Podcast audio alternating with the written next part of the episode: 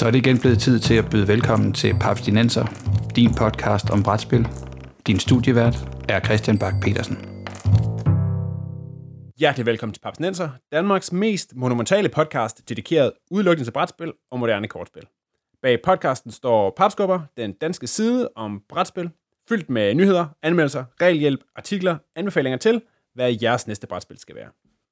Mit navn er Christian Bak petersen og med mig i Papsnensers War Room har jeg i dag Bo Jørgensen Jawohl. og Morten Greis. Hallo. Og i dag, der skal vi kaste et blik og snakke lidt om et af de helt store brætspil derude. Men inden vi starter en snak af den lidt tungere slags, så skal jeg lige høre jer to, om I har et yndlingsspil, eller måske et hadespil, når det kommer til det, der på engelsk hedder dexterity games, altså fingerfærdighedsspil, altså spil, hvor ens evne ud i balance eller holde hånden helt stille er vigtig. Fordi som øh, en øh, lille breaker, mens vi øh, spillede her i weekenden, så kastede vi os over Rhino Hero, som jo er det her meget elegante spil, hvor man bygger et korthus, og samtidig flytter sådan en lille, en lille brik, der forestiller et, øh, en, en, en superhelte flodhest op undervejs. Og lad mig sige det samme, jeg ryster altså lidt på hånden, når jeg laver det, spiller den slags spil. Bo, hvad siger du til den her type spil? Har du nogen, øh, du spiller, eller som, øh, som du helt sikkert ikke spiller? Nej, jeg, jeg synes egentlig generelt, de, de er fine, men øh, det ligger nok også i kortene, at man spiller dem, når man er sammen med nogle folk, der, der, altså hvor det passer til situationen. Øh, til sådan nogle lidt større familiearrangementer. Øh, vi har en, en årlig seance, hvor hele familiens øh, øh, fædre og kusiner og deres børn og andres børn, og jeg ved sgu ikke, hvis børn der er hvis børn, men en, en hel masse mennesker i et sommerhus eller sådan et eller andet. Og der hævde jeg Riff Raff med for et par år siden, som var et smash hit. Øh, kender I det? Nej. Uh, jeps. Morten, du kender det godt? Okay. Ja, det kan, Men jeg kender jeg det, godt, det ja. er et- lidt et udstyrstykke. Jeg, jeg så det første gang på Essen. Jeg ved ikke hvad, i et 13 eller 14 eller sådan et eller andet. Øh, men det, du skal forestille dig, Christian, det er, at du, du vender en, en traditionel kvadratisk øh, brætspilskasse om. Ja. Og så øh, bygger du et stykke hav. Det lyder underligt, kan jeg ikke godt høre. Du, der er nogle, altså, der er nogle øh, store trekantede træplader med, Ja. som du bygger op, øh, så du ligesom får sådan, forestiller en vulkan, eller sådan nærmest en, en, en, en, øh, en, en, en, en søjle, der står op af, af midten af den her plade. Der låser du øh, i toppen med en træring, og så sænker du et træskib ned i midten, som har en kæmpe stor, ej, nu skal jeg heller ikke gøre det større end det er, men en, en tung, et tungt øh, jernlod, eller et blylod, Ja. som når du så sætter mast og de her tværlægger, jeg ved ikke engang, hvad sådan nogle hedder, men dem, de der stænger, som, som sejlet det normalt vil sidde fast ja. på. Når du sætter det på skibet, så balancerer det.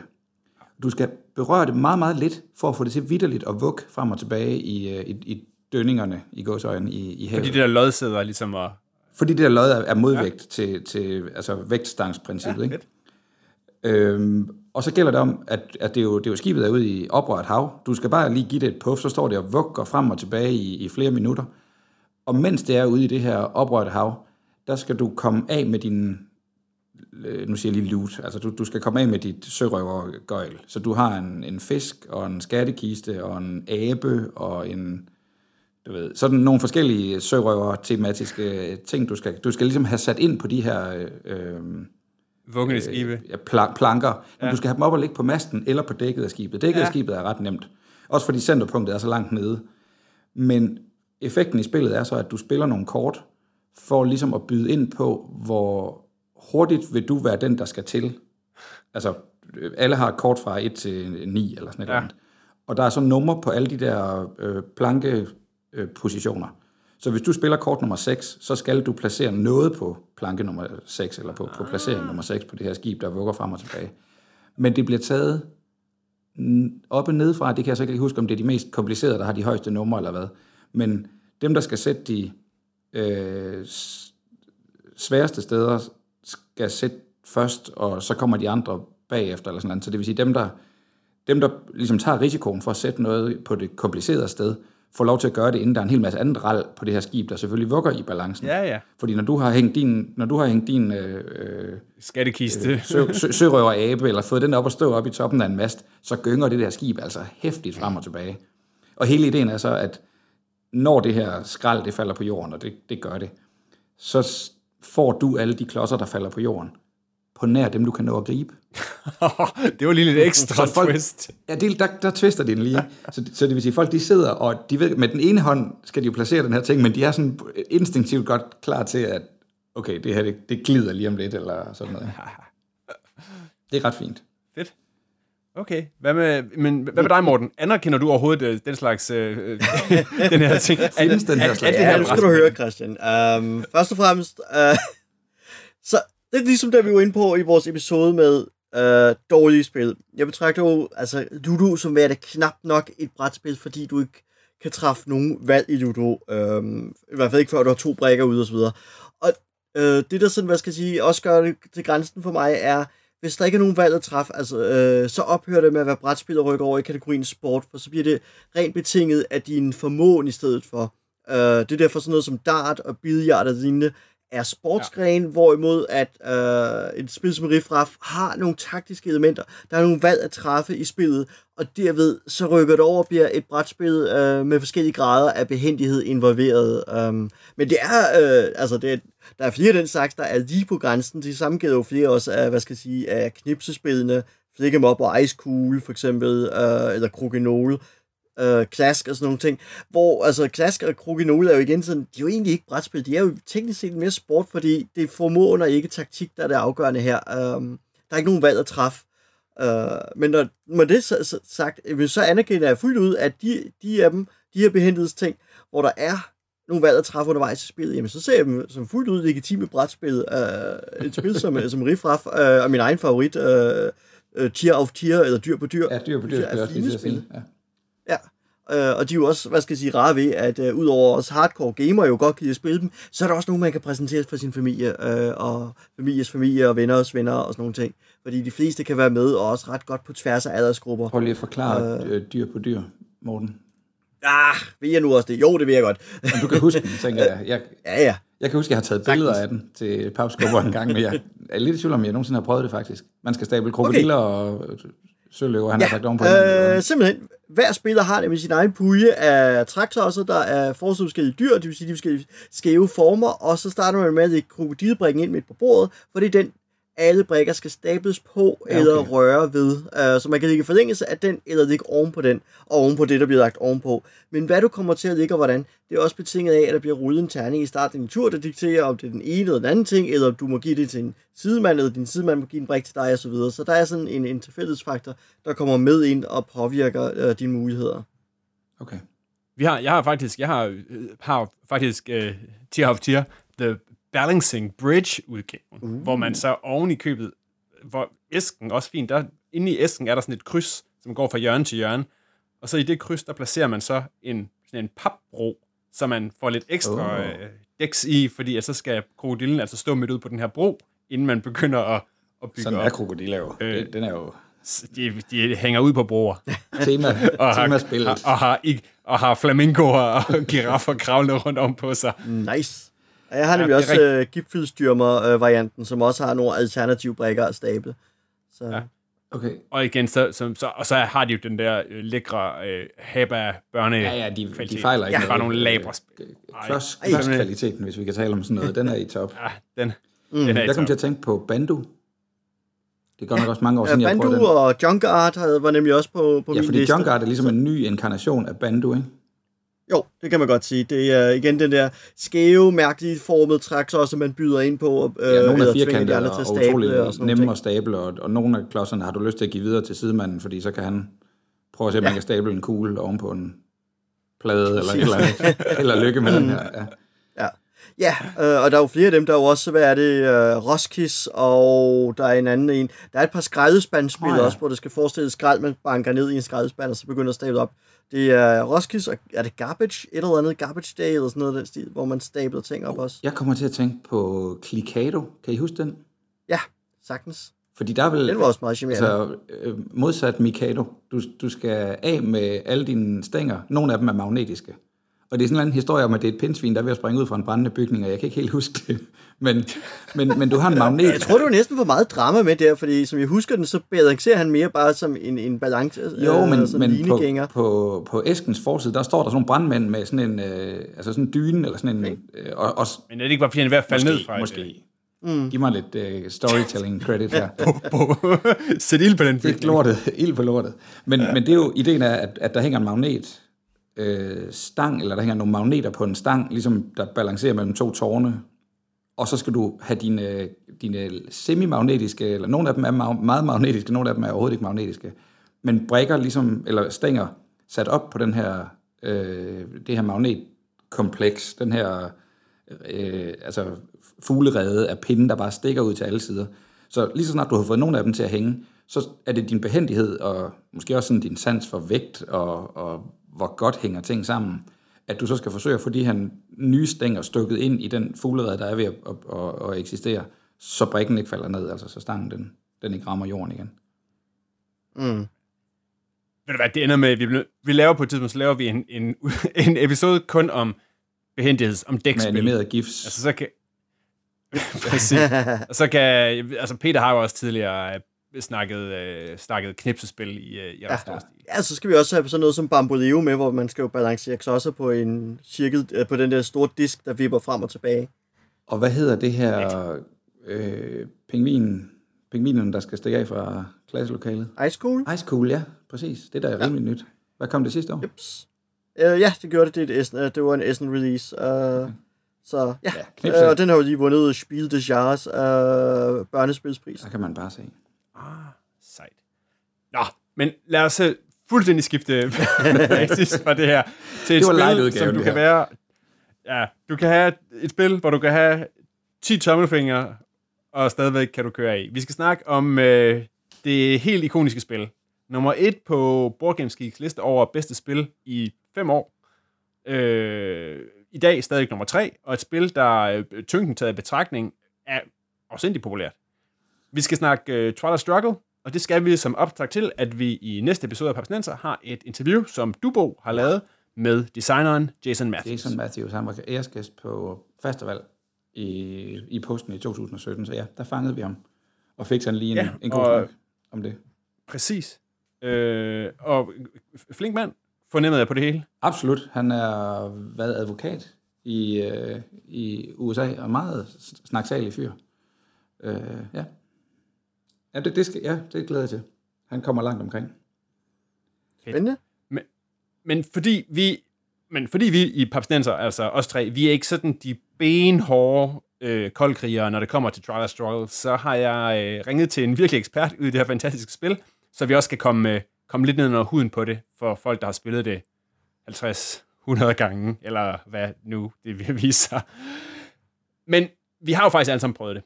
Og faktisk, øh, så er det jo ikke, øh, det er jo nogle episoder siden, at der fortalte øh, I, Morten og Bo, at I jo faktisk havde tænkt jer at tage den første runde af det her spil sammen. Ja. Yep. Og øh, kan I ikke, øh, må jeg ikke lige høre, hvordan gik det? Altså optagelsen. Så det gik jo godt, for jeg optagelsen vandt. skal lige, ja, Morten vandt. Så punktum. Så det var et godt spil. Ja, det, det, var på et tidspunkt, vi havde, vi havde luret, at Jason Matthews kom på festival, og vi havde ligesom appelleret til, om vi kunne få en halv time af hans tid. Øh, Det er jo lidt svært at vide, hvor, hvor travlt sådan en fyr han har. Og på det tidspunkt, øh, jeg ved ikke, ejer du Twilight Struggle, Morten? Det gør jeg næsten nu for, at du Nej, gør. det gør jeg Nej, ikke. det gør du ikke? Nå, okay. Jeg har det, og havde haft det stående i noget tid, men havde aldrig rigtig haft lejligheden til at prøve det, og det, det var ligesom det, der satte øh, hovedet på sømmet i forhold til, at nu måtte vi heller lige til at få det gjort, så vi ikke bare sad sådan og altså teori-interviewede ham, sådan sagde, Nå, men, øh, øh, altså, er det så ikke kompliceret, når man skal blande alle de der kort hele tiden, og han så glodede på en og sagde, øh, nej, man, man blander dem faktisk ikke, eller et eller andet, ikke? Så, ja. så det var også ligesom for at vide, hvad det var, vi, hvad det var, vi gik ind til. Så, Yes. så, så det er det lys. Morten og jeg har ikke spillet det 50 gange hver. Mm. Nej, det er klart. Men så kan vi jo lige runde. Hvad, skal vi starte helt ud? Hvad, hvad, hvad synes I, efter at have, have spillet det den her første gang? Hvad var jeres tanker, I sad med bagefter? Altså, jeg har også prøvet det, og har jeg spillet det en to-tre gange. Så jeg byder også gerne ind. Men øh, hvad var jeres, øh, efter debutrunden Twilight Struggle, hvad tænkte I om det her, som jo er et kæmpestort, episk, øh, det spænder jo hele den kolde krig, og den ene spiller er øh, Rusland, og den anden spiller er USA, og så sidder man der over den her lange tidsperiode og influerer hele verden, som de to supermagter, man var. Jeg stiller ordet over til Morten. okay, øh, godt. Nej, jeg synes, det er et interessant spil, men det er jo også, hvad skal sige, efter første runde, hvor, eller første gang, vi spillede det, så er det jo mange timer, og så er man øh, lidt mentalt udmattet oven på sådan en større omgang. Øh, det tog trods alt nogle timer at komme igennem spillet, fordi alle kort skulle læses på grunden af, fordi vi ikke kendte dem i forvejen og sådan nogle ting. Men jeg synes, øh, jeg synes det var interessant. Øh, men jeg tror nok også, at det er jo en af de der, at nu er der så store forventninger til det, så det er lidt svært at sige, var det nu også så fantastisk, ikke? Fordi nu, det er den der sædvanlige ting, hvis der kommer en stor film ud, eller en god bog ud, og alle ens venner rosen til skyerne, så bliver man sådan lidt, uh, men kommer jeg jo til, jeg synes de så godt om det, ikke? Altså, eller bliver jeg lidt skuffet over det. Og jeg tror nok, at jeg sådan er ind sådan på sådan et, et mellemniveau der, fordi at jeg kan absolut se spillets kvaliteter, og det, øh, det har nogle meget fascinerende elementer i sig, men jeg tror ikke, jeg var sådan helt blæst bagover af det, øhm, som man måske kunne tro, man vil blive, når det øh, er så højt rangeret. På den anden side, øhm, så er jeg da også rigtig nysgerrig efter at prøve det en gang mere, ud fra et, nu kender jeg spillet øh, kriterium, hvordan vil det så gå, øh, vil det, øh, hvordan, hvordan vil for, forløbet så komme til at blive. Øh, fordi det er jo et spil, der er meget drevet af de kort, man spiller, øh, betinget af selvfølgelig, hvilke kort man får på hånden, og hvornår i spillet de kommer i spil, så at sige. Og det gør jo, at Bo og jeg har jo på den måde set et potentielt historisk forløb, men vi har jo ikke set, hvilke andre retninger spillet virkelig kan drive i, fordi at vi havde et spil, hvor jeg førte ret, rigtig meget på rumkapløbet, øh, havde været heldig med terningerne, havde øh, kunne sætte nogle ressourcer i der, som gav mig nogle solide taktiske fordele langt ind i spillet. Øh, men næste gang vi spiller det, så står jeg måske ikke der i spillet. Jeg får du ikke lov til at gøre den der igen. Det kan jeg godt Nej, for eksempel. øh, og det kommer jo til at forandre spiloplevelsen en hel del. Ja. Ikke? Så det er også sådan en af den slags ting, der, at et, et er at spille det første gang, et andet er at sætte sig ned egentlig, at, at få studeret og set, hvad kan sådan en mobbedreng her? Fordi der er, det er i den kategori af spil, hvor, hvor der er første spil, man spiller kun for bare at finde ud af, hvad pokker går det her ud på, og så er der derefter, hvor man spiller for at se, hvad kan det så ellers, og hvad egentlig komme ind i alle hjørnerne af spillet.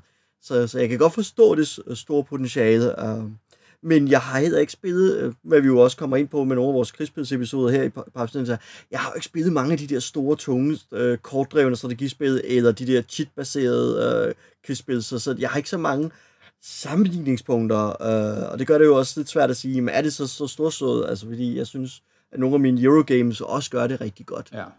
ja. Jeg, jeg ved ikke rigtigt, har vi en fornemmelse af, at alle vores lyttere ved, hvad Twilight Struggle er. Jeg har også spekuleret på, om de gør det, eller om vi skal komme lidt mere i dybden med beskrivelsen af det. Hvis jeg må give den et skud. Ja, det synes ja, jeg. fyrer løs.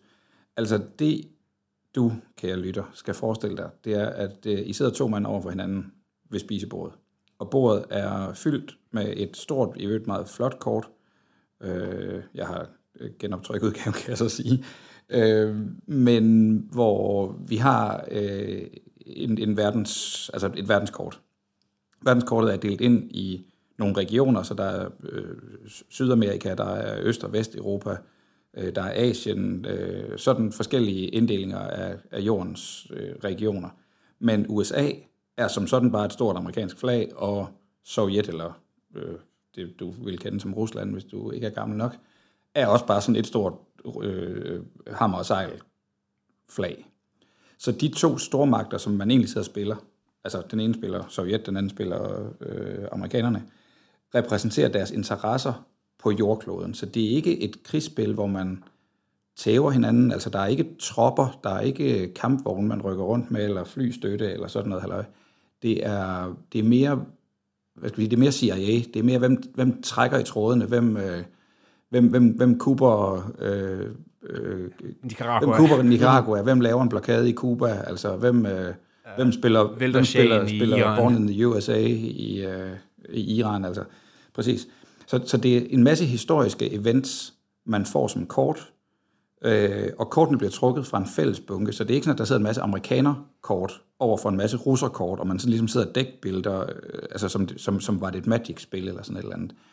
Man trækker kortene fra den samme bunke, Kortene er delt op i en første, anden og tredje æra, altså tidsalder, så man ligesom ved, at der er nogle historiske begivenheder, der foregår i, i, i den tidlige kolde krig, jamen de ligger rent faktisk i starten af spillet. og ting, der kun ja. kan ske senere i spillet, de, de ligger så i den tredje ære. Øh, men fidusen ved det her spil, det er, at de kort, du får på hånden, kan du meget vel være nødt til at spille, også selvom du overhovedet, fucking overhovedet ikke, slet ikke har lyst til at spille dem. Altså, Ja, fordi, det, ja, fordi ideen er ikke, at kortene de, er, de tæller actions, som gør, at du må gøre noget ned på kortet. ja, Altså, der kan sige, der er Ja, på fire, fire øh, ja, præcis, der er fire influences, og det er, om du spiller det som, som, øh, som russer eller amerikaner. Men så har alle kortene, de har også en mere en effekt, som sådan er koblet til Den til historiske netop, begivenhed, Er ikke? det den historiske Ja. begivenhed. Så, så hvis, øh, hvis du spiller, nu, jeg står ikke lige med nogle af kortene foran mig, hvis- hvis- hvis jeg som, som amerikaner øh, spiller et, øh, et, et kort, som jeg egentlig gerne bare vil spille, fordi det er fire point hver, og jeg nu gerne vil influere et eller andet i, i, i Italien, øh, Ja. så kan det godt være, at det er en hændelse, som, som trigger et eller andet i Asien for den russiske spiller. Og den russiske spiller, han må kigge på det her kort, når jeg lægger det ned, og så må han ligesom tage bestik af, øh, vil han have den her historiske begivenhed til at ske, eller vil han ikke?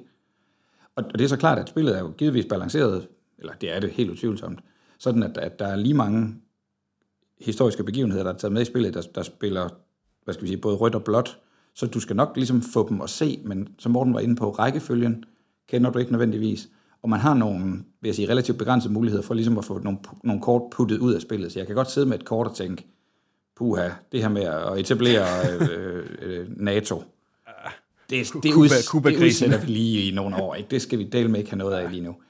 Øh, og, og, og ideen er så, at man øh, udøver sin, sin, sin indflydelse på hele det her, det her verdenskort, eller på regionerne i verden, og ved givende lejligheder, kan vi kalde det rutinemæssigt, der er der så en af spillerne, der spiller et kort. Man spiller sådan set sin hånd tom, lige på nær et enkelt kort, øh, hver sådan runde. Ja. Og der vil komme kort op, der hedder, at nu skal du score Asien. Afrika. Afrika.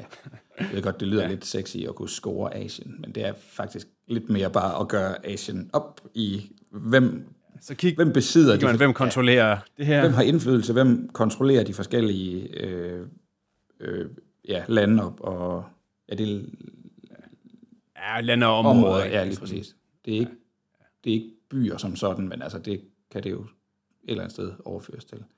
Så, ja så, så man kan sige, hvis man kan, ligesom kan sidde på det hele, nærmest sådan helt uanfægtet, så får man en hulens masse point. Og pointene er så også en lille spidsfindighed i spillet, fordi det er ikke sådan, at, at jeg kan tjene 10 point, og, og du har 8 point. Øh, dine pluspoint bliver til minus, minuspoint, så man starter egentlig med at stå, øh, hvad skal vi sige, i balance på en vippe, og, og det, der er godt for den ene, er dermed modsatrettet skidt for den anden.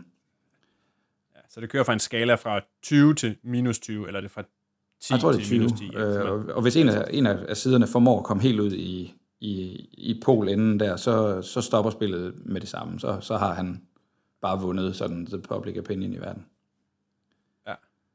Og det er jo sjovt også, fordi det er jo det der med, øh, at, at der er den der, øh, alle kort gælder dobbelt, så er der jo også der er jo en klar asymmetri i spillet, ikke? Altså, det, det, bliver, det bliver sværere. Altså, russerne starter med the upper hand, og så bliver det sværere og sværere, som tiden kører frem, så vidt jeg husker, ikke? Altså, så, så det, man, man, Det- man, det har jeg også en, der, hørt, ja. der, er egentlig, der er en, der er i førersædet til at starte med, der er det russerne, og, så de skal have deres point der, og så skal de cementere deres position og holde ud, Nå, og, og det, og det er imens også med, at du har- amerikanerne du- kom, starter i Nogle gange baghånden. har du lyst til bare at få scoret der, hvor du er foran. Du kan godt se, at det her, det kommer ikke til at holde. Altså, du ved, jeg, det, min Nej. propagandamaskine, den har bare bullet derud af på Cuba. Så er det nu, vi lige trækker. Øh, altså, nu skal vi lige tage temperaturen på, øh, på den del af verden. Og så får du en masse Ja, ja, ja, point og siger, hold kæft, de synes, du er den, det, den fedeste ideologi i, på hele kloden. Og så falder det sådan lidt sammen bagefter, og der er nogen, der begynder pludselig at... Altså, Hvor lang, tid, hvor lang tid kan man faktisk holde ud i at have krig i Vietnam? Ikke? Ja, ja, Men ja, hvis man scorer pointene på det rigtige tidspunkt, så kan, så kan det godt være en, en pointmæssig Om sejr. Iran, igen ikke sådan en, en, en, en, en trykkoger, som hvis du får den på det rigtige tidspunkt, eller ligesom får opbygget de, de rigtige hændelser sådan i den rigtige rækkefølge, så er der en masse point at hente der. Men der sker så meget dernede, at, at det ville være underligt, hvis ikke den anden ligesom kommer tilbage og siger, hey, det der...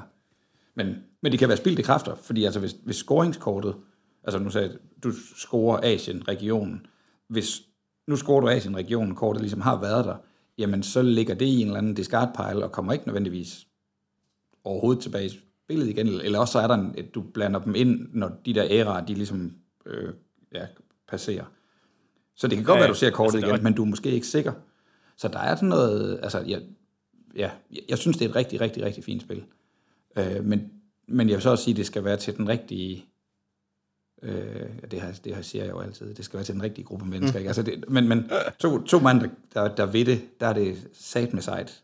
Godt tænkt og fedt lavet, og altså et eller andet sted sådan visuelt nemt. Altså du har små wooden cubes, og så har du bare de her sort-hvid øh, tegninger af, ja, historiske, af historiske øh, vingeslag.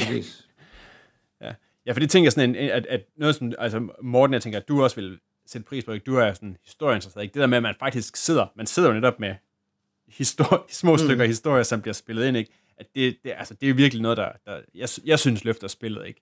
Også fordi vi alle sammen har en alder, så vi kan jo faktisk godt huske, i hvert fald slutningen af den kolde Slutningen af den, jo, men jeg synes, der er stadigvæk, der mm. var mange kort, som jeg ikke havde rigtig nogen for det. Altså, du ved, ja, ja, jeg ved godt, at russerne, de brændte nallerne i Irak øh, længe inden øh, altså Saddam ja, ja. og alt det der stats, ikke? Men, men sådan ja. præcis, hvad nogle af de der ting, de står for, det, det kan man så sige, det, det har måske vækket min nysgerrighed lidt at sige, gud nok, hvor, hvorfor ved jeg ikke mere om det der? Det var da egentlig, det var da egentlig lidt spændende. Men, øh, ja. men det skal man nok have med. Altså, jeg, øh, jeg, jeg synes, spillet fortjener nogen, der også, altså, der synes, det er lidt, du ved, lidt høhø, lidt nørde fedt, at, åh, okay, så, øh, så du spiller, og nu ville det være fedt, hvis jeg lige kunne sige en eller anden historisk person, men du ved, at du får, du får Mandela øh, ned på, ja, ja og, og det er ham, der ligesom influerer øh, Østeuropa til at bla bla, ikke? eller øh, Frankrig falder, fordi du ikke kan finde ud af at skrue ned for, altså sådan noget, ikke? Jason Matthews, han fortæller i det interview, vi lavede med ham på, på festival, at de havde rigtig, rigtig mange events op at, og vinde. Det skal I nok få lov til at høre hans egne ord for. Men, men ligesom at omdrejningspunktet var, at der, der skulle selvfølgelig være noget, øh, der skulle være noget USA, Rusland hook i, i, i det. Ja, fordi der var masser af, du ved, konflikter eller væbnede, du ved, der havde også været øh, altså kup og ting og sager i verden, i, i den alder, vi snakker om, men, men da de sådan skulle skære det hele ned til benet, der var det sådan lidt, jamen, øh, har det her sådan i virkeligheden noget med øh, USA-Ruslands forhold, eller USA-Sovjetunionens øh, forhold at gøre, eller er det, er det sgu mere en lokal something? Altså, og der havde de så været hårdere at, at, at sortere i det. Morten, du øh, nævnte før rumræset, og nævnte jo også der nogle terninger, for det var jo egentlig det, jeg sådan lidt da jeg åbnede det første gang og, og, og så æsken og fik det op, det er, der er jo faktisk, altså udover hvilken rækkefølge kortene falder, så er der jo også terninger med, hvilket beskrivelsen ja. er jo meget, meget Eurokrigsspil på den måde. Og så pludselig er der alligevel nogle terninger, fordi en af de gange, jeg har spillet, der har jeg altså virkelig siddet og følt, at terningerne var imod mig i det her forsøg på at få sendt så meget som en hundevalp eller en abe ud i rummet. Ja, jamen det kan jeg godt genkende, fordi jeg havde en, en serie fejlsagende kub øh, i spillet, hvor det også bare sådan en, hvor terningerne, de akkurat blev ved med at snyde ind. Man tænker, ej, jeg har fire ud af seks, for det her går godt, ikke? Og så ruller man alligevel en pokkers to ja, eller et, ikke? Gang på gang. Jamen, det er jo det. Uh, men jeg synes, den, uh, og det, jeg har jo ambivalent ved tilstedeværelsen af terninger og sådan ting, fordi, ikke fordi jeg har noget mod terninger i spil som helhed, men man netop tænker, at det her, det er jo sådan kortdrevet, og det er øh, et, et sådan rent... Storpolitik. Ja, lige præcis.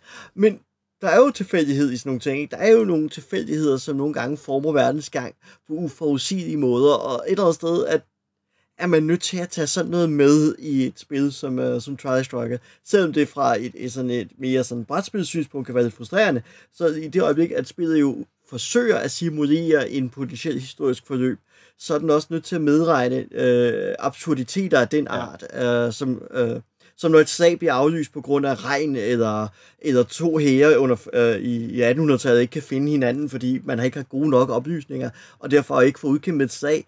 Men sådan nogle ting, de sker, øh, og, og det er jo en, en ting, som historikere ynder at lege med, som når de leger kontrafaktisk historie. Det er jo nogle gange at tage de der sådan små tilfældigheder, som nogle gange øh, kan påvirke historiens gang, fordi at vejret så fejl, og nogen tabte og sådan noget. Hvad var der sket, hvis ærkehertog Ferdinands hest var drejet til venstre. Ja, ja. ja, Ja, hvis der hvis- ikke havde været tog. Jamen det er det ikke. Altså hvis Christian den 4. under øh, de store Europakrige ikke var faldet sin hest og havde sået hovedet, men faktisk øh, havde, hvad skal jeg sige, været klar i hovedet, hvad ville historiens gang så have været, ikke? Altså ville Danmark og Sverige så have siddet på store dele af Tyskland den dag i dag, ikke? Um, fordi at så havde øh, de krige gået på en helt, helt andet forløb, eller Altså, ingen af os aner jo, hvad, hvad vej der ville gået. Men det var jo den der absurde, manden falder hesten, så hovedet, og så opgiver man ligesom hele militærtogtet, fordi kongen ligger altså med, øh, med et stort sår i hovedet. Og det påvirker jo historisk gang i et, et helt uforudsigeligt retning, og, og der er jo sådan en masse sjove ting af den art. Og så bliver terninger nødvendigt et eller andet sted for at få den simulation med af det uforudsigelige, øh, og det giver jo så både rumræset, men også ting som kub og lignende. Jeg tror måske nok, at jeg synes, at nogle af de der terningslag var for, de var for betydningsfulde i forhold til, at det i gåsøjne bare var en sekset terning, man sidder og ruller. Jeg tror, man mm. ret mig, Morten, det, hvis jeg tager fejl, men det er noget med, man, man, man tager noget styrkeforhold. Altså, hvis du vil lave et kub i et eller andet land, så finder du ud af, hvor stærk er din tilstedeværelse, hvor stærk er modstanderens ja. Tilstedeværelse, og så bliver det til en modifier på et, et seksedet rulle, eller sådan et eller andet, det ikke? Mm. Jo, det, det er betinget af, hvor, hvor stærkt man ja. står. Uh, og jo, altså jeg tænker, at hvis man vil kompensere, uh, hvis vi ser bort fra, fra det historiske element i det, men kompensere mere fra det, så, så vil man jo sådan set gå ind uh, rent designmæssigt, for eksempel at sige, hver gang du fejler et terningslag, så får du til gengæld en point modifier, en ressource token, du kan bruge sådan, at efter x fejlet terningslag, så er du sikker på, at langt om længere vil faktisk have et succesfuldt terningslag. Det vil for eksempel være en måde, man så kunne hacke det på, men det, det er jo en helt anden Men, diskussion men det, i er jo, virkeligheden. det er jo lidt sjovt, fordi du føler jo ikke rigtig, eller min opfattelse af Twilight Struggle var ikke, at jeg var en, en uh, armchair general, der genspillede mm. verdenshistorien. Altså jeg var, mere, jeg var mere passiv, jeg var mere måske den, der sådan prikkede ud, hvornår noget skulle ske, men så igen, jeg sidder med en hånd på hvad, fem eller seks, mm-hmm. syv kort. Ja. Og, og det er jo sådan set det eneste, jeg skal tage stilling til, det er ved at, altså på den måde synes jeg, spillet lidt føltes som fem spil, der var i gang på samme tid. At jeg kunne, jeg ja. kunne spille spillet nede i Sydafrika, jeg kunne så spille spillet i Østeuropa, eller jeg kunne spille spillet i Asien. Ja. Og, og nogle gange så flød det bare sådan lidt rundt, at man, nå, ja, det...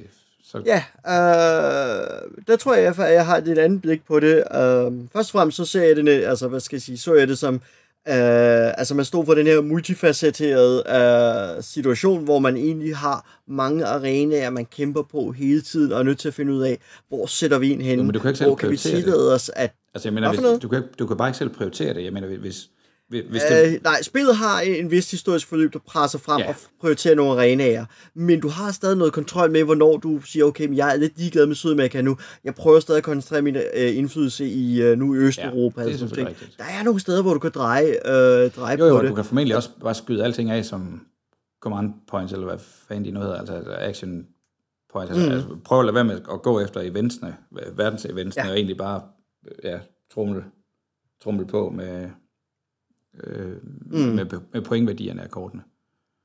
Ja. Men jeg, jeg sidder sådan lidt og tænker, jamen hvis amerikanerne, de, du ved, ville have invaderet Cuba, så havde de jo gjort det. Der er alle mulige, altså ikke sovjetiske grunde til, at de så ikke gennemførte det der svinebukken kub, de havde mm. lidt gang i, eller Ja. hvad ved jeg ikke, men, men du, ved, du, du, du kan ikke der påvirke kan du det. sige, der, der kommer du til Twilight Struggles øh, begrænsning som kontrafaktisk spil, Ja. det er, at den kan ikke konstruere øh, hændelser, der aldrig er sket. What if? Den kan Ej, mere skete der så?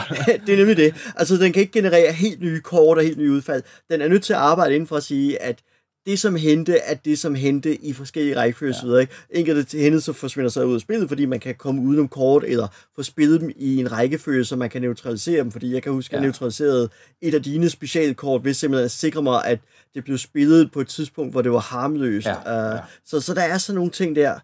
Uh, men jeg tror, at noget af det, uh, man også oplever, eller mit indtryk af spillet er, at jeg tror, at noget af det, der gør det interessant, er, at uanset hvilken side du er på, så føles spillet som op ad bakke. Ja, Uh, at, meget. Præcis. ja, at, uh, at det for begge spillere har sådan en fornemmelse af, at det er den anden, der sidder på det, den, uh, ikke? men det er i virkeligheden spillet, der skaber sådan en illusion af, at at vi er at begge sider i undertal og kæmper mod en overmagt. Den måde synes jeg, det, det, tror jeg det virkelig, illustrerer en, genistreg. en kort, altså en, en koldkrigssituation ret godt, at man ved ikke, hvad ham den anden han sidder og pynser på, eller, og han har garanteret mm. nogle rigtig fede kort på hånden, ikke? Han sidder bare, han, ja. Ja. han sidder bare og lurer, og lige om lidt, så hopper du i verdens fedeste propagandafælde, eller... Altså, ja. Og jeg tror nemlig, det er noget af det, der spillets styrke er netop, at begge spillere har den der øh, fornemmelse af at spille op ad bakke, ja. øh, at de begge to står over for en overlegen modstander. Cool. Men ved du hvad? Vi er jo ikke eksperter. Overhovedet ikke. vi har det så vist sig. Så inden vi næste gang, øh, vi sender papsnenser, hører, hvad manden bag det her øh, virkelig fine spil har at sige, så har jeg jo snakket med Morten Skovgaard. Og Morten, han er hardcore Twilight Struggle-spiller. Faktisk så elsker han spillet så meget, at han indimellem drager ud i verden og lærer folk at spille Twilight Struggle, og bare selv er med på sidelinjen som, som coach for spillet. Eller måske, kan man da sige, som en slags profet, der udbreder budskabet om uh, det her virkelig, virkelig fine spil. Så skal vi ikke høre, hvad Morten og jeg snakkede om, da vi vendte Twilight Struggle. Hej Morten, og øh, tak fordi du vil være med her i Papsnenser og øh, gøre os lidt klogere på, øh, på Twilight Struggle. Jamen tak. Jeg, jeg skal gøre mit bedste. okay, og Morten, først skal jeg lige høre, hvor mange gange tænker du, at du har spillet Twilight Struggle? Jamen, når jeg sidder til og efter, har jeg nok spillet det op mod 40-50 gange. Jeg har spillet det, jeg vil nok sige 15-20 gange i den analoge udgave, og så, øh, så lidt flere gange i den digitale udgave, der kom, hvor det jo ofte er lidt nemmere lige at finde en modstander og spille online. Ja, præcis.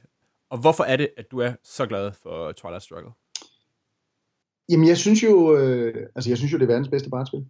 Og det, øh, det jeg, fra første, fra første gang, jeg spillede det, der var, der var jeg blæst væk over, hvor, hvor fantastisk sammensmeltning af spilmekanikker og tema og, og, og samspillet mellem kort og, og bræt var. Det imponerede mig røven ud af bukserne på mig, og det er kun blevet bedre lige siden. Så, så det, det, nogle gange så rammer man noget, hvor man tænker, det der det er simpelthen så, så fantastisk godt spildesign, at man, at man bare må, må overgive sig og sige, det, det er så overlænt. Okay, så for dig, det er simpelthen det er fin vin. Den bliver bare bedre og bedre. Dybest set, ja. okay. Men samtidig, det er også et spil, som... Øh, altså, altså, jeg har jo siddet og kigget på, når man kigger på, at det har ligget nummer et i, ja, i fem år mm. på, på Board Game Geek. Tænker, det er jo en, en ordentlig mobbedreng. Det er jo en tung sag at give sig i kast med.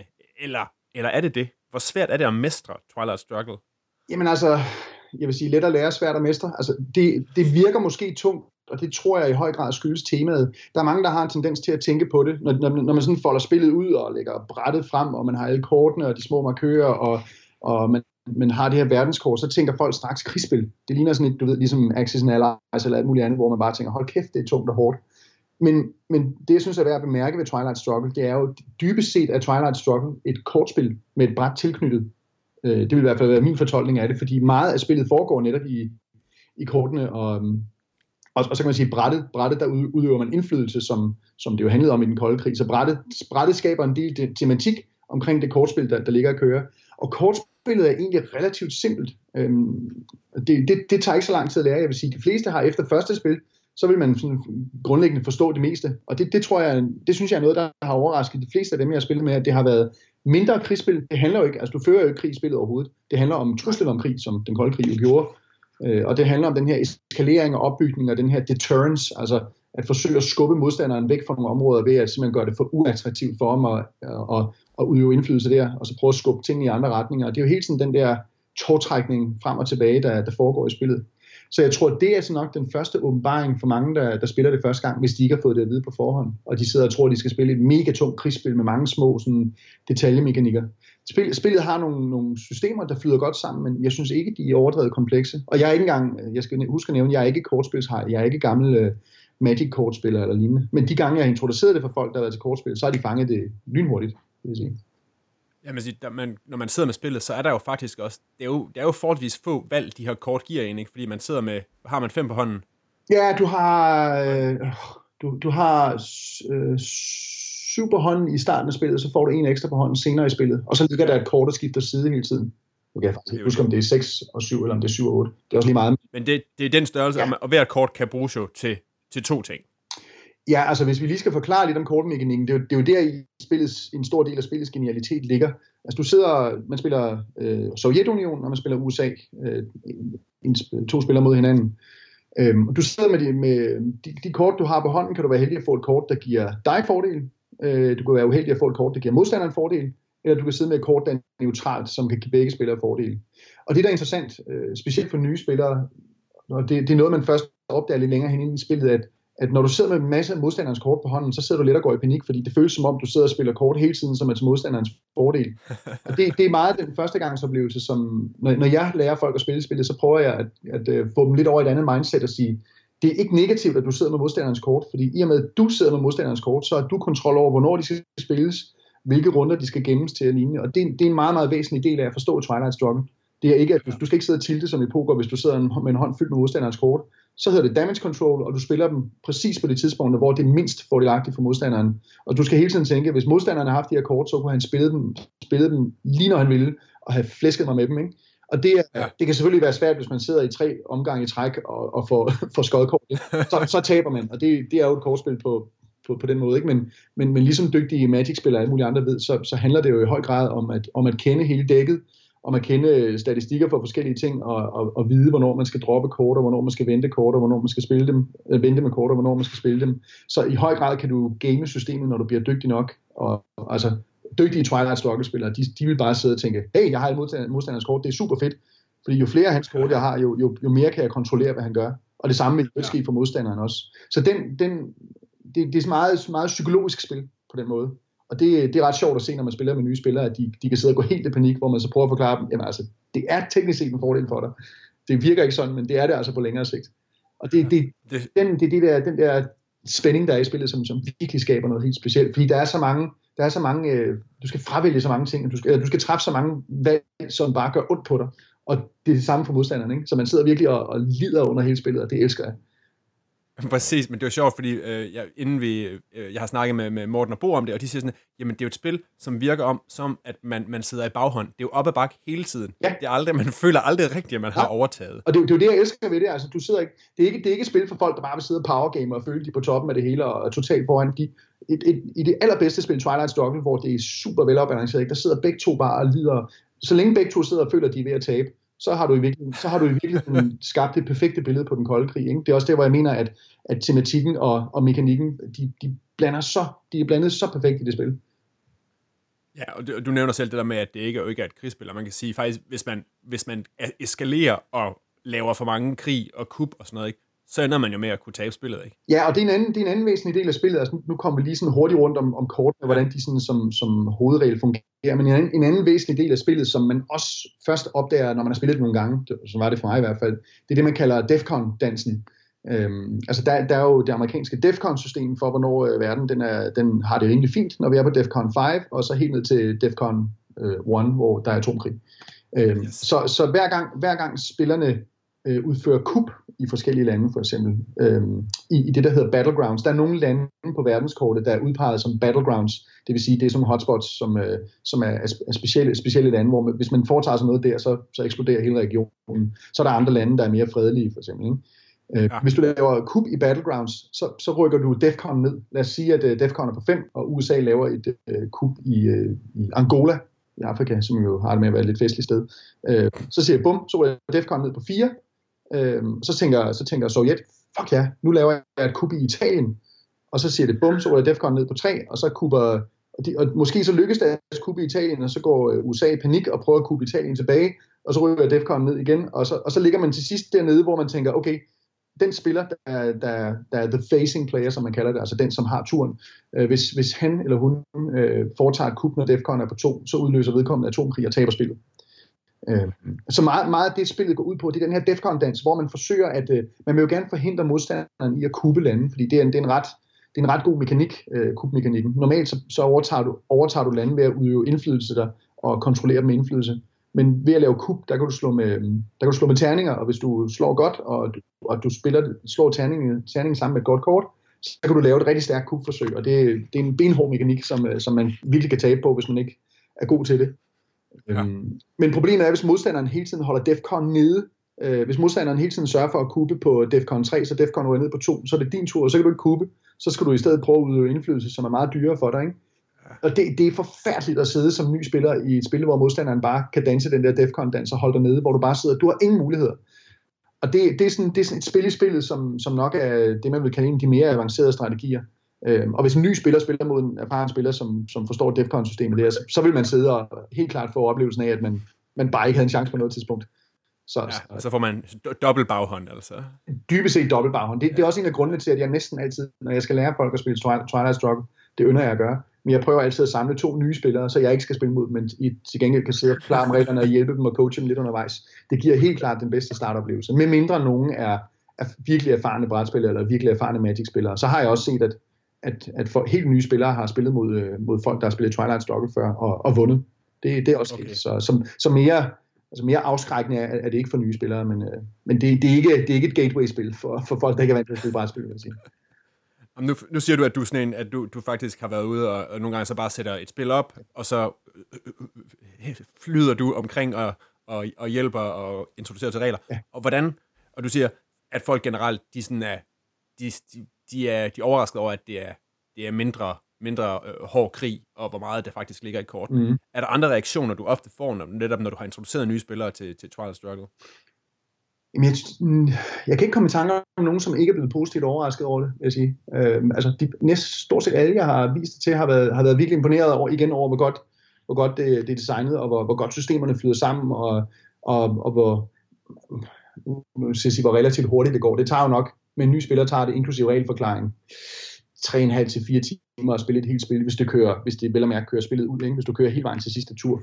Øh, ret ja. ofte vil spillet jo starte før, stoppe før, fordi en, en eller anden spiller får, får, får nok victory points øh, midt i spillet. Spillet er delt op i tre faser, early war, mid war og late war. Så du starter i early war med, med et kortsæt, der hører, der hører til early war. De her kort de er knyttet til specifikke begivenheder under den kolde krig.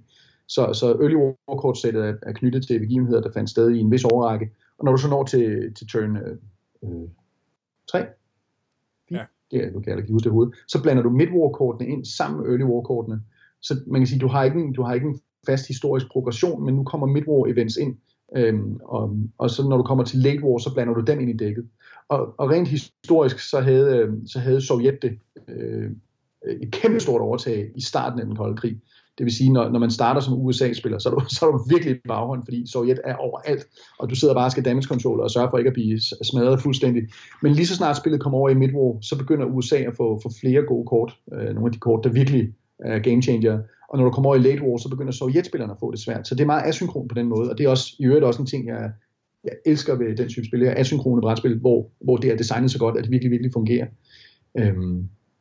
Ja, for, ja, for det tænker jeg, at netop når man snakker brætspildesign, så er det asynkrone, det, det er jo virkelig, det er jo virkelig et feed at kunne, fordi det, er jo den det skal godt nok ikke, ja. det skal skisme ikke tippe meget, før man så har et spil, der overhovedet ikke virker. Nej, og det er også, det er også derfor, at med et spil som Twilight Struggle, der, der kan du sagtens være uheldig, at uh, lad os sige, du starter som, som USA-spiller, og så knuser Sovjet dig på tredje runde, uden at du reelt føler, at du havde en chance. Så det er et spil, hvor du godt kan være uheldig at få nogle, nogle lidt dårlige oplevelser fra start, hvis du ikke har fået forklaret det ordentligt, og hvis du spiller mod en, som bare går all in på at smadre dig. Ikke? Øhm, ja. Så altså, hvis, hvis nye spillere, jeg plejer som at sige til dem, hvis I skal have den mest retvisende oplevelse for Twilight Struggle, så skal I prøve at spille USA fra start. Men hvis I gerne have en, hvis I gerne vil have en oplevelse, hvor der er mindre risiko for at blive trumlet fra start, så skal I så lidt, fordi der, der bliver I først trumlet senere. øhm. Ja. Men jeg tror faktisk, at første gang jeg spillede, der tror jeg måske, at der spillede jeg USA, og øh, da Brezhnev kom til der i mm. øh, Midwar, ja. der var jeg færdig. Ja. Altså. Men, men det er jo en stor del af spillet, det er jo også at lære at forstå, hvad der sker. Altså hvad for nogle kort, der bliver tilføjet i midt og late war. Og, og også forstå præcis, øh, det er jo ligesom i alle mulige andre kortspil, det gælder det om at forstå, hvad for nogle kort, der er de allerbedste for en selv, øh, og, og ikke mindst, hvad for nogle kort, der er de bedste for modstanderen. Fordi du har et, øh, på selve spilbrættet har du et Space Race track, som er sådan et, øh, det er sådan en lille track, hvor du kan, hvor du kan kassere kort. Så lad os sige, at du sidder med et af modstanderens kort, som du bare virkelig ikke har lyst til at spille så kan du smide det over på det der Space Race track, og så bliver det, øh, så bliver det kasseret, det ryger discard-pilen, og så rykker du, øh, så slår du med en terning, og hvis du slår heldigt, så rykker du en tank, tak op på det her Space Race track, altså rum, rumkapløb, som så giver dig nogle fordele. Så det er også et lille spil i spillet, hvor det der Space Race, det, det kan sådan gå hen og udløse flere og flere fordele, og hvis den ene kommer rigtig langt foran den anden, så, så, så, får man, så kan man være virkelig stærk der. Men der er også andre spil, hvor folk slet ikke bruger det der Space Race track, og det vil du nok relativt ofte se blandt, blandt de virkelig dygtige spillere, at de bruger det meget mindre, Øh, igen, fordi når du discarder et kort på det der Space Race track, så kommer det jo tilbage ind i spillet. Det bliver, det bliver jo ikke brugt. Hvis der, hvis der er et kort med, med en meget, meget ubehagelig begivenhed på, og du smider det på Space Race tracket, så lige så snart du er, vi er nået igennem kortbunken, så, så er der reshuffle, og så bliver kortet blandet ind i igen, og så dukker det op igen på et tidspunkt. Og der ved du ikke, om, om det ender hos dig igen, eller om det ender hos modstanderen.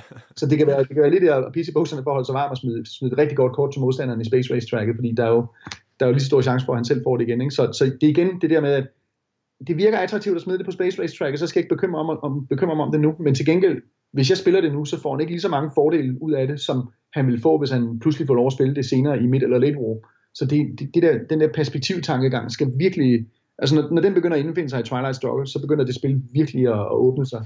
Fordi man bare man sidder og virkelig og, og, og bruger tid på at knuse de der, de der problemer der. Morten, i forbindelse med, da du snakkede Kub, og så også i forbindelse med Space Race, der er, der er der jo terninger i det her spil. Og det, ja. må sige, det var måske en af de ting, der faktisk overraskede mig lidt dengang, at jeg blev introduceret til det. Jeg tænkte, det her det er det helt store øh, øh, taktiske mesterværk mm. og kold krig over det her periode. Hvordan hulen kan man smide den der tilfældighedsting, som en sexet terning jo nu engang tilføjer nogle spil. Hvordan synes du, det spiller sammen i spillet? Jamen, jeg synes jo i grunden ikke, at terningen gør det mere tilfældigt, end, end, øh, end kort gør det. Altså, det er jo også, kortene skaber jo en kæmpe stor vilkårlighed i forvejen. Men, men igen er det jo, er det jo, det er jo et spørgsmål om at se, altså, ingen, ingen spil er 100% tilfældig i den forstand, at, at du, kan, du kan jo altid påvirke, hvad du gør med kort. Når du, når du får en, en hånd af kort, så kan du påvirke, hvordan du, hvilken rækkefølge du spiller dem i, og hvad for nogle kort du vil game til næste runde, og ikke spille osv. Og terningerne, dem bruger du, øh, dem bruger du, når du skal øh, lave coups og realignments. Realignment er sådan lidt den bløde mellemting mellem et coup og, og influence. Så hvis du, hvor, hvis, du, øh, hvis du har et kort for eksempel, hvor du har tallet 4 på, og så står der en begivenhed på kortet, så kan du enten spille kortet for, for begivenheden, som giver dig et eller andet specifikt, eller du kan spille den for tallet op, som giver dig operations points. Og de der operations points, de lader dig enten placere indflydelse. Så hvis jeg har et kort, med, der står 4 på, så må jeg placere fire indflydelse i nogle lande. Øhm, eller jeg kan lave realignment rules, og realignment er sådan en, øh, her nu forsøger vi at påvirke befolkningen i det her land til at synes, at øh, deres diktator er noget, en, en værre skid, og så, så ser vi, om vi ikke kan skubbe dem ud. Og realignment rules, de, de, er, de hænger sammen med, hvor mange lande, der grænser op til, som man selv kontrollerer. Så lad os sige, at vi, vi forsøger at lave et øh, realignment rule på, øh, på Irak. Øhm, og hvis vi så samtidig kontrollerer øh, øh Afghanistan og Pakistan, så får man plusser, fordi de lande grænser op til, til Irak. Så, så på den måde, så, så kan man med et realignment roll, der kan, man, der kan man selv bestemme chancen, så at sige. Og hvis du, hvis du prøver at realigne et land, hvor der er tre lande, der grænser op til, så har du en rimelig god chance for, at det lykkes. Øh, kubforsøgene, dem, dem, øh, der slår man mod et land, og så lægger man det kort, man spiller samtidig med til. Så hvis jeg slår, med, hvis jeg slår mod øh, og, og forsøger at kubbe et land, og jeg har et kort, jeg spiller samtidig, hvor der står fire på, så må jeg lægge fire til mit terningslag. Så du kan lave nogle rimelig vilde kub, øh, som det er ikke garanteret, at det lykkes, men, men chancen er så meget i din favør, at, at tilfældighedselementet virkelig er reduceret. Du kan også vælge at lave nogle, øh, spille på chancen og lave sådan lidt fisende kub med et etter eller to kort og håbe på det bedste, ikke? Men, så, så på den måde, terningslagene er ikke, er ikke, man kan sige, de er ikke rene på den måde. De er altid påvirket af, af noget, du spiller samtidig med dem. Og det, det fungerer super godt, fordi terningslagene introducerer også et meget nødvendigt tilfældigheds, tilfældighedselement i spillet, i den forstand, at, at kub er jo en ret vild ting, som rent storpolitisk og militært, som, som er sådan altså, eksplosivt og uforudsigeligt, og, og hvad fanden sker der, ikke? Ja. Og, der, og der kan man godt se, det er igen noget, som nye spillere også skal vende sig til, fordi hvis man laver et kubforsøg, der ikke lykkes, så kan nye spillere også hurtigt finde på at tilte og blive ved med at prøve øh, lave det og, og bare blive ved og, og blive sådan lidt ind, sammenbrændt over det, ikke? i stedet for at sige, okay, det lykkedes ikke, det var, det var ikke nu, nu prøver jeg noget andet, hvor jeg bruger min point lidt bedre. Ikke? Så, så det handler jo i høj grad om at bruge sine ressourcer ordentligt, kan man sige. Ja. Jeg mindes også måske, at mit, mit, mit ting med de her terner, det var netop også, at jeg tror måske, da jeg spillede det første gang, der fik jeg smidt der havde jeg nogle ret elendige rull på det der Space Race ting, ja. hvor jeg følte bare, at sådan, om der røg min kort ud til højre, og så rullede jeg en terning, ja. og så var den der terning bare totalt dobbelt igen. Ja, altså. og, og statistik, øh, øh, hvad hedder det, stokastisk spredning og alt, alt muligt andet, det, der, der kan jo virkelig være mange ting, hvor man bare har et spil, hvor det isoleret set, så, så virker statistikken bare som om den modarbejder en, men sådan, når du, jo mere du spiller, jo, jo mere, jo mere vil det, sådan, vil det, vil det brede, ligesom alle andre spil. Ikke? Og noget, der jo er meget interessant, det er, at når man spiller, når man spiller det i app-versionen, som jo er en fremragende konvertering af brætspil, jeg kun kan anbefale, så, så får du præsenteret øh, statistikkerne for at klare dine terningeslag. Hvilket er, er meget overskueligt, men det fratager på alligevel også lidt af spillets, øh, altså lidt af, lidt af den der spænding. Fordi når du selv skal sidde og regne ud, okay, når jeg skal prøve at lave et forsøg her, hvad er den præcise chance for, at jeg vinder? Og, og så prøver man ligesom at køre statistik i hovedet, ikke? Og, og det er jo, der kan man sige, at appen gør det måske mere let tilgængeligt, fordi, fordi nye spillere, der måske ikke lige er så vant til at sidde og knokle statistik af i hovedet, som, som for eksempel hardcore Magic-spillere eller andre er, de vil måske have en lidt bedre chance for at, sige, for at optimere i forhold til, hvad, hvad, hvad deres chance er. Ikke? Men det kan jeg meget godt lide ved et analog spil, fordi man er lidt mere på herrens mark nogle gange, fordi man sidder og, og tænker og regner så meget og bliver træt hen ad vejen, og, og nogle gange så, så, så træffer man dumme beslutninger, fordi man ikke lige har regnet ordentligt efter og sådan noget. Og det er der måske nogle spillere, der vil blive afskrækket af, men det er, jo, det er jo den del af det, jeg godt kan lide, fordi man virkelig skal være skarp i det. Ikke? Ja. Nu, nu har du nævnt, siger du, at app-versionen er, er er virkelig god. Ja. At det er, en, at, er det noget, man kan måske endda anbefale folk at træne lidt, hvis man... Øh, at, at, Helt sikkert. For jeg forestiller, jeg forestiller mig, at den, den spiller noget hurtigere end øh, 3-4 timer. Ja, altså applicationen er ret lang tid, computermodstanderen er ret lang tid om at tænke faktisk, det er den eneste ah. version ved det, men, men det, det må åbenbart være sådan. Og AI'en i spillet er, altså den er på ingen måde god nok til at udfordre en øvet spiller. Altså jeg, jeg tror ikke på noget tidspunkt, jeg har tabt til AI'en i spillet, men, men hvis du er sådan en ny spiller, der har spillet, lad os sige, de første 1-10 spil, så vil den være rigelig udfordring og, og, øhm, og, og give, dig, give dig masser af god kamp til streng. Så det, det er faktisk et rigtig godt sted at træne. Den giver en lidt anden, altså A'en er okay, men, men altså, det er jo ikke det samme som at spille mod en, mod en rigtig spiller. Så hvis du tænker, nu vil jeg gerne lære at spille Twilight Struggle og blive hammerende god til at spille mod menneskelige modstandere, så er det jo altid problemet med AI-modstandere, at de, at de kører i meget forudsigelige mønstre, og, og, ja. og, og ret ofte ender de med at gøre ting, som jo bare ikke er optimale, og det er jo det, er jo det man kan sidde blive irriteret over, så jeg spiller stort set aldrig mod dem. Øh, okay. Men vælger altid modstandere online eller, eller, eller venner, som, øh, men, men helt klart, altså det, den giver jo i hvert fald den mulighed, at man kan komme ind i spillet på den måde.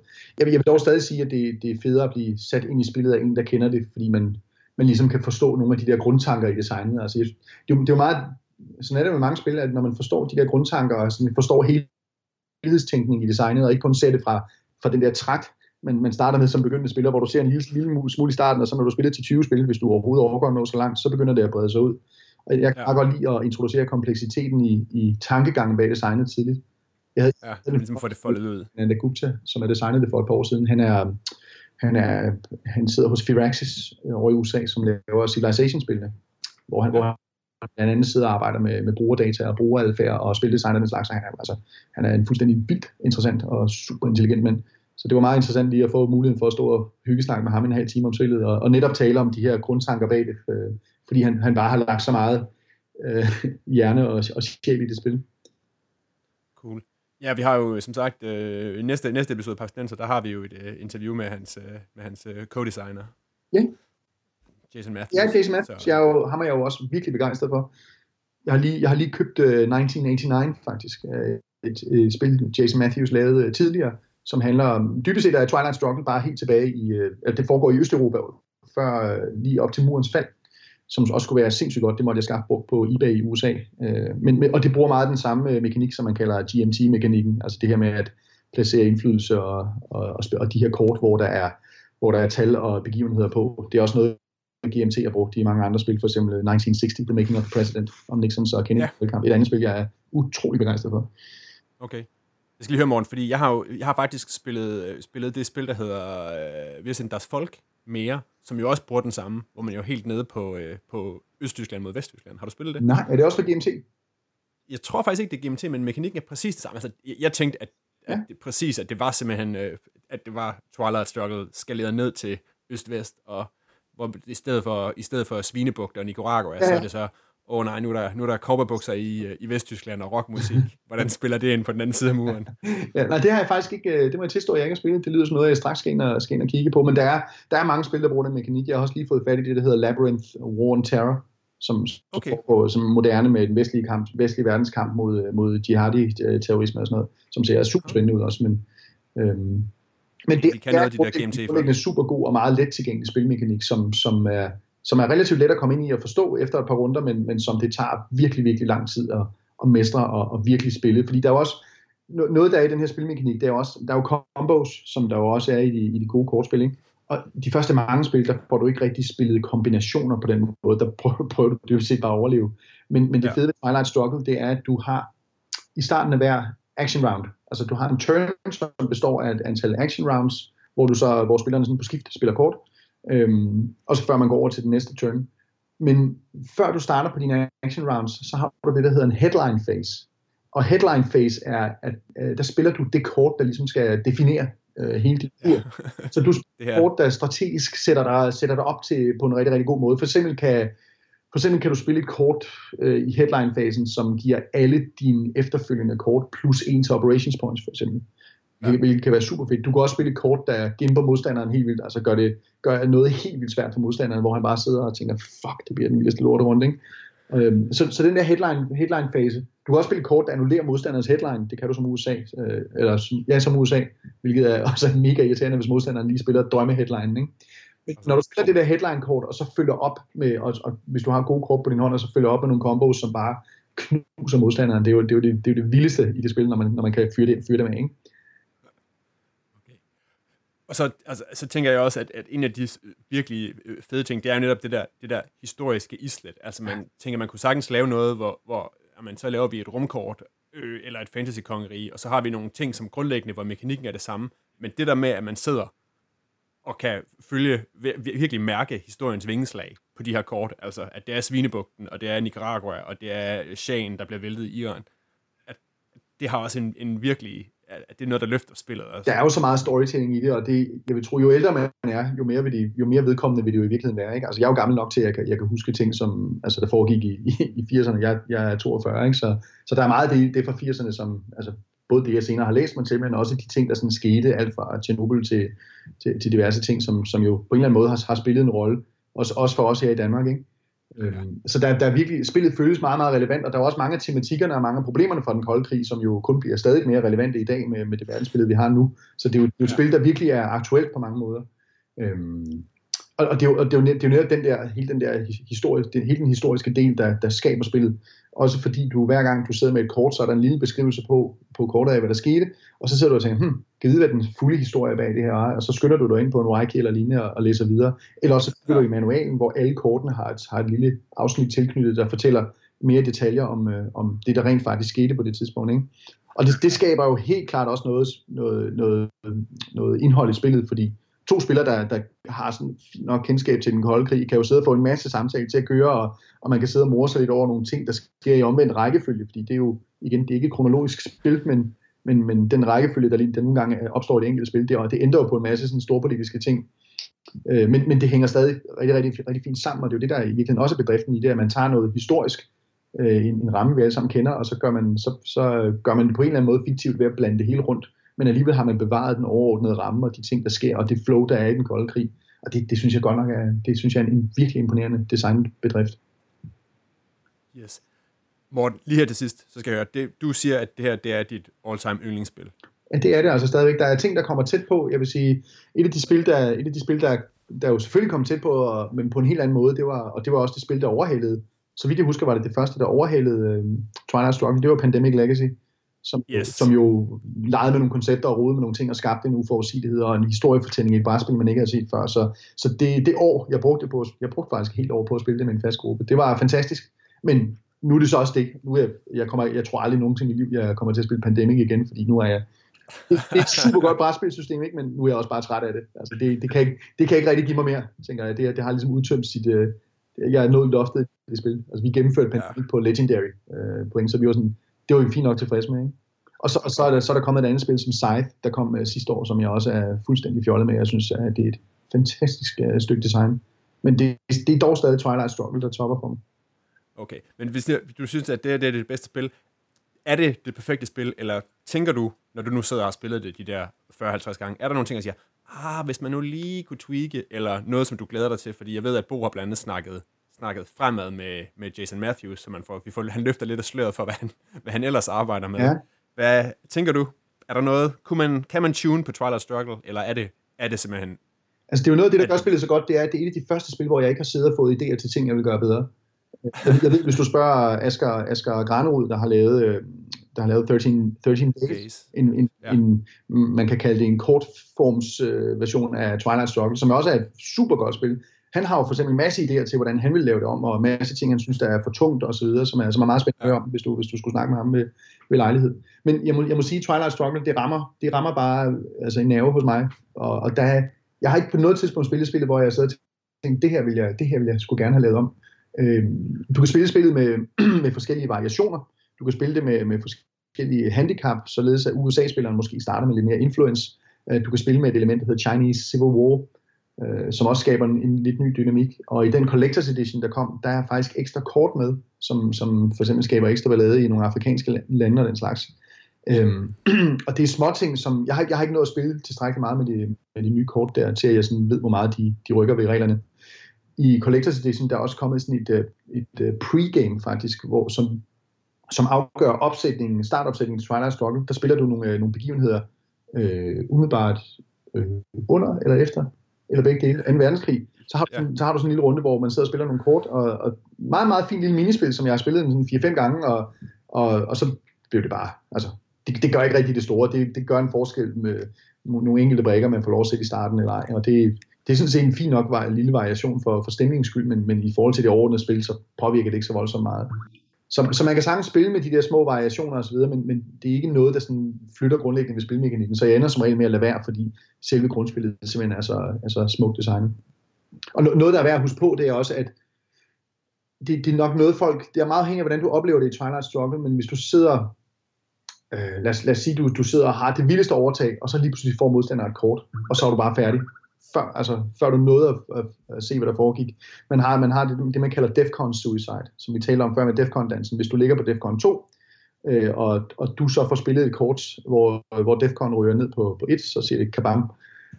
Øhm, og derfor simpelthen, øh, et godt eksempel, det er, hvis, hvis, du, hvis Defcon er på 2, og du på din tur spiller Olympic Games-kortet, som man kalder Defcon Suicide Card, det er, hvis du spiller Olympic Games, så kan modstanderen enten vælge at deltage, øhm, eller modstanderen jo, og ikke at deltage.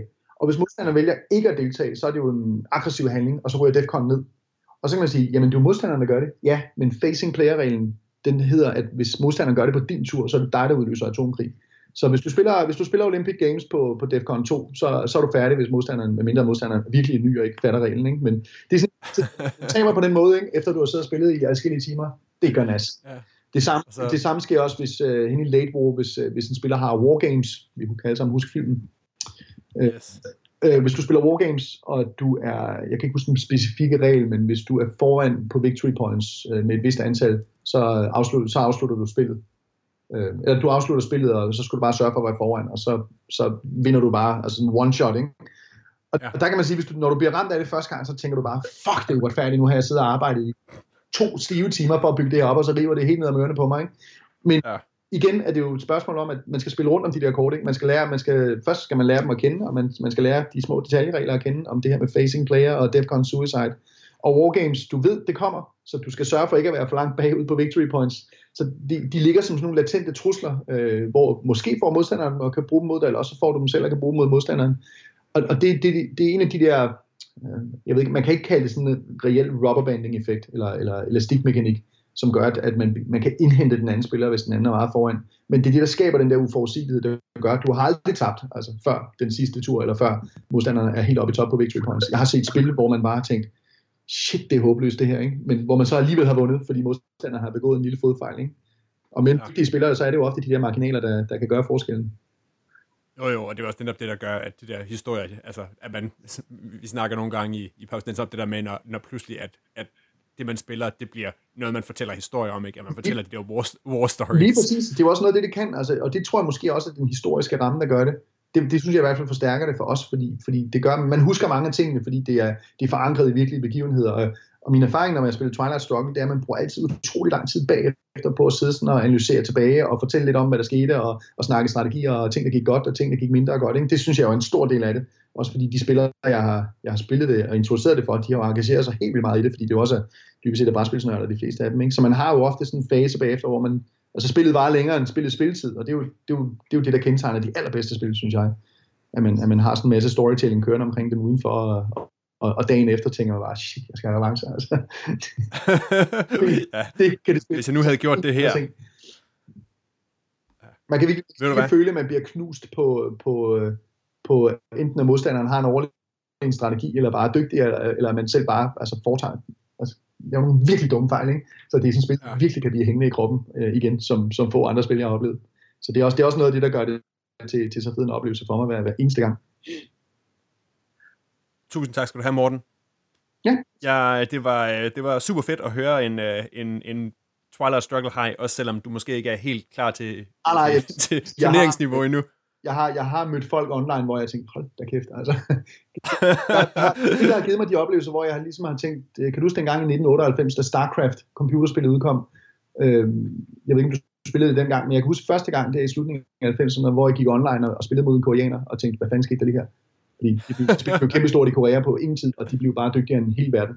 Øh, okay. Der prøvede jeg den der, hvor jeg virkelig bare havde følelsen af at blive steamrollet, og jeg tænkte, hey, jeg er sgu en rigtig god spiller, men det der, hvad, hvad fanden skete der?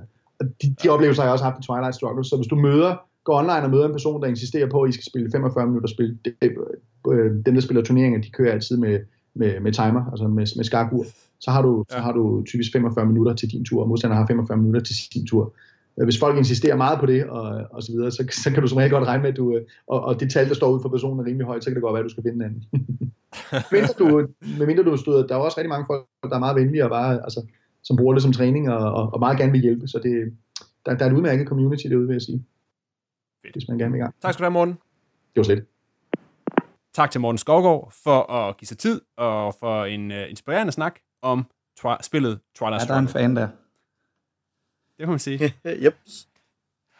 Og med det, så er vi ved at have nået enden af den her episode af Papsnenser. Vi har snakket Twilight Struggle i uh, al sin, uh, sin uh, koldkrigs... Prøv at se alle sine afskygninger. ja, i alle sine Twilight, tus, alt sit tusmørke. Find link til spillet, og øh, også de fine, de fine og helt anderledes spil, vi nævnte i starten af episoden. De er at finde på www.papskubber.dk-podcast. Og del endelig jeres erfaringer med denne moderne klassiker, og fortæl os, om I synes, at det er det tredje bedste spil i verden nogensinde. Og så husk, om 14 dage, der kan du høre interviewet med Jason Matthews. Hvis du har input eller indspark til udsendelsen, så, eller et bud på et andet brætspil, som skal øh, få hele, episode, hele en hel Papsnenser episode, så er du altid velkommen til at skrive til os på papsnenser og hvis du nu abonnerer på podcasten her på iTunes, så smut lige ind og øh, giv os en rating. I forhold til mange lyttere, jeg ved, vi har, så har vi ikke så mange ratings, og det kunne være fedt at få skubbet os lidt op af på listen. Ja. Det var alt for denne gang. Sammen med mig i Tusmørket sad Morten Greis og Bo Jørgensen. Papsnenser er produceret af selv samme Bo Jørgensen og Christian Beckmann. Jeg hedder Christian Bak petersen og på vegne af Papsnenser har jeg ikke andet end at sige end Mr. Gorbachev, Tear down that wall!